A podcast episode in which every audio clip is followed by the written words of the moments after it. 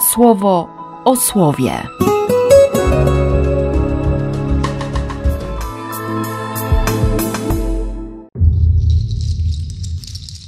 7 lutego, poniedziałek.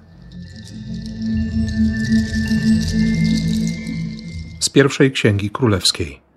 Kiedy Salomon po dwudziestu latach skończył budowę domu Pana i swojego pałacu, wezwał król Salomon na Syjon całą starszyznę Izraela, aby przenieść Arkę Przymierza Pana z miasta Dawida, to jest z Syjonu, w miesiącu Etanim. Kapłani nieśli Arkę, namiot świadectwa i cały święty sprzęt znajdujący się w namiocie świadectwa. A król i cały Izrael składali przed Arką na ofiarę owce i niezliczone bydło i wnieśli kapłani arkę na jej miejsce, do celi domu, czyli do najświętszego miejsca, pod skrzydła cherubów.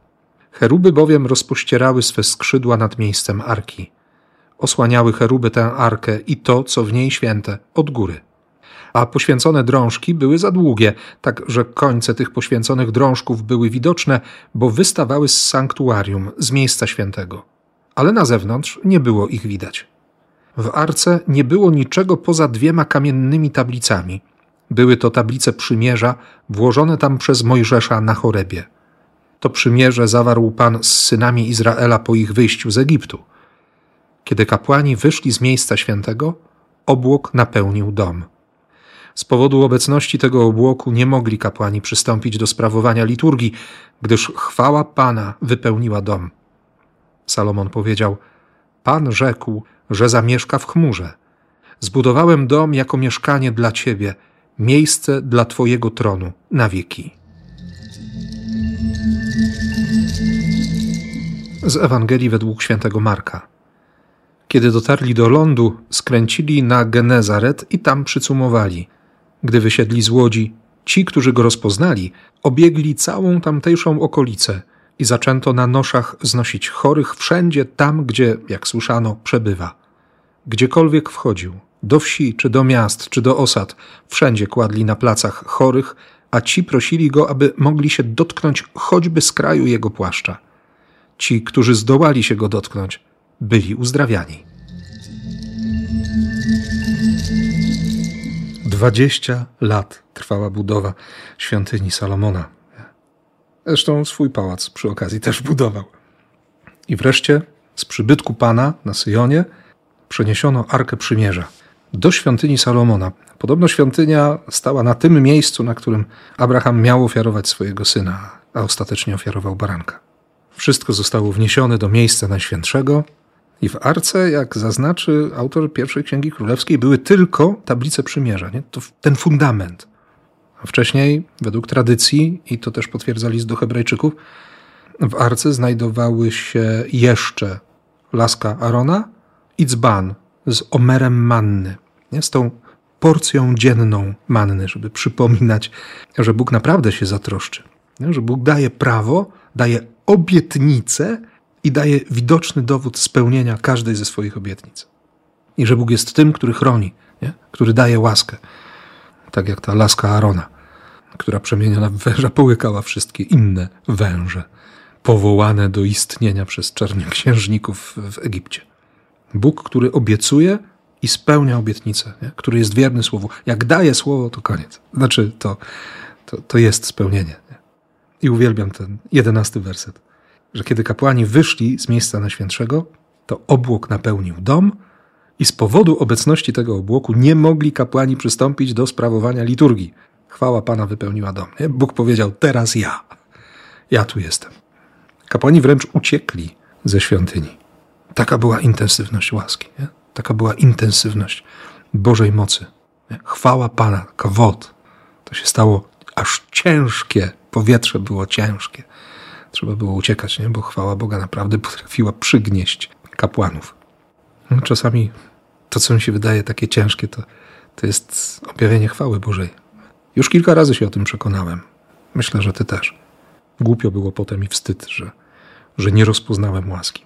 A jednocześnie to też jest y, konkretny dowód y, i, i przypomnienie tego, że skoro i ty, i ja jesteśmy świątynią Boga, jesteśmy świątynią Ducha Świętego, i Bóg przychodzi i pokazuje od czasu do czasu, że, że On jest, I to jest porażające, to jest wręcz przygniatające doświadczenie, bo tak intensywne, to, to bez względu na to, czy czuję, czy nie czuję, ten dym i ten obłok, tę chwałę, to on po prostu jest. I to ma mnie dziś prowokować i motywować do tego, by dbać o tę świątynię. Pan rzekł, że zamieszka w chmurze, więc zbudowałem dom jako mieszkanie dla ciebie. Tak sobie myślę o tej świątyni i, i myślę sobie o tym, kim my jesteśmy. Nie? Że naprawdę jesteśmy świątynią Boga. Że to jest piękne. Że my jesteśmy piękni. Że On się nie pomylił, że się nie wycofa. Że nawet jeśli ja będę mu próbował wmówić od czasu do czasu, że, że ta świątynia należy do kogoś innego albo że to moja własność, to w nim się nie zmieni pragnienie to on się nie wycofa. Będzie walczył. Tak, on będzie walczył o tę świątynię. Hm. Czasami rozwali, albo, albo zacznie robić porządek. Wszystko wyrzuci, wszystko wyczyści. Pustka będzie przez chwilę. I w tej pustce można będzie doświadczyć fundamentu obietnic, kamiennych tablic z obietnicami. Szema, a będziesz kochał. A jak będziesz kochał, to to jest jasne, że dekalog jest, jest miłością. Właściwie jest odpowiedzią miłości. Piękne. I to w sumie chyba Jezus próbuje przypomnieć dzisiaj w Ewangelii, końcówka szóstego rozdziału Marka. Rozmnożenie chleba było, nauczanie, no, ta, ta niemożliwość odpoczynku, i później Jezus wysyła. Wysyła swoich, żeby przepłynęli na drugą stronę. I nie dają rady. Więc biegnie do nich, po falach pędzi. Odwagi, ja jestem, nie bójcie się. Ale, jak to ładnie zaznaczy w tłumaczeniu pierwszego kościoła, w 52 wersecie, nie mogli jeszcze pojąć tego wydarzenia z chlebami i serce ich było oniemiałe. Dotarli do lądu, rozpoznano Jezusa i zaczęto znosić chorych. I gdziekolwiek wchodził, tam byli chorzy, i ktokolwiek go dotknął, był uzdrawiany no nie ma ograniczeń dla łaski. Ktokolwiek go dotknie. Cała ta idea dotykania płaszcza czy, czy filakteriów, by chwycić, by uszczknąć tej łaski, którą jest otulony sprawiedliwy, ten, który szuka Boga.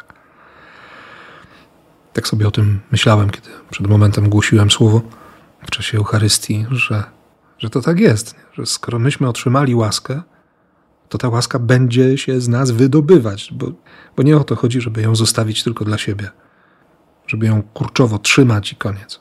Nie. On naprawdę chce działać. On chce uzdrawiać i nas, i przez nas. No to łaski Ci życzę i o łaskę dla Ciebie się modlę. W imię Ojca i Syna i Ducha Świętego. Amen. Słowo o słowie.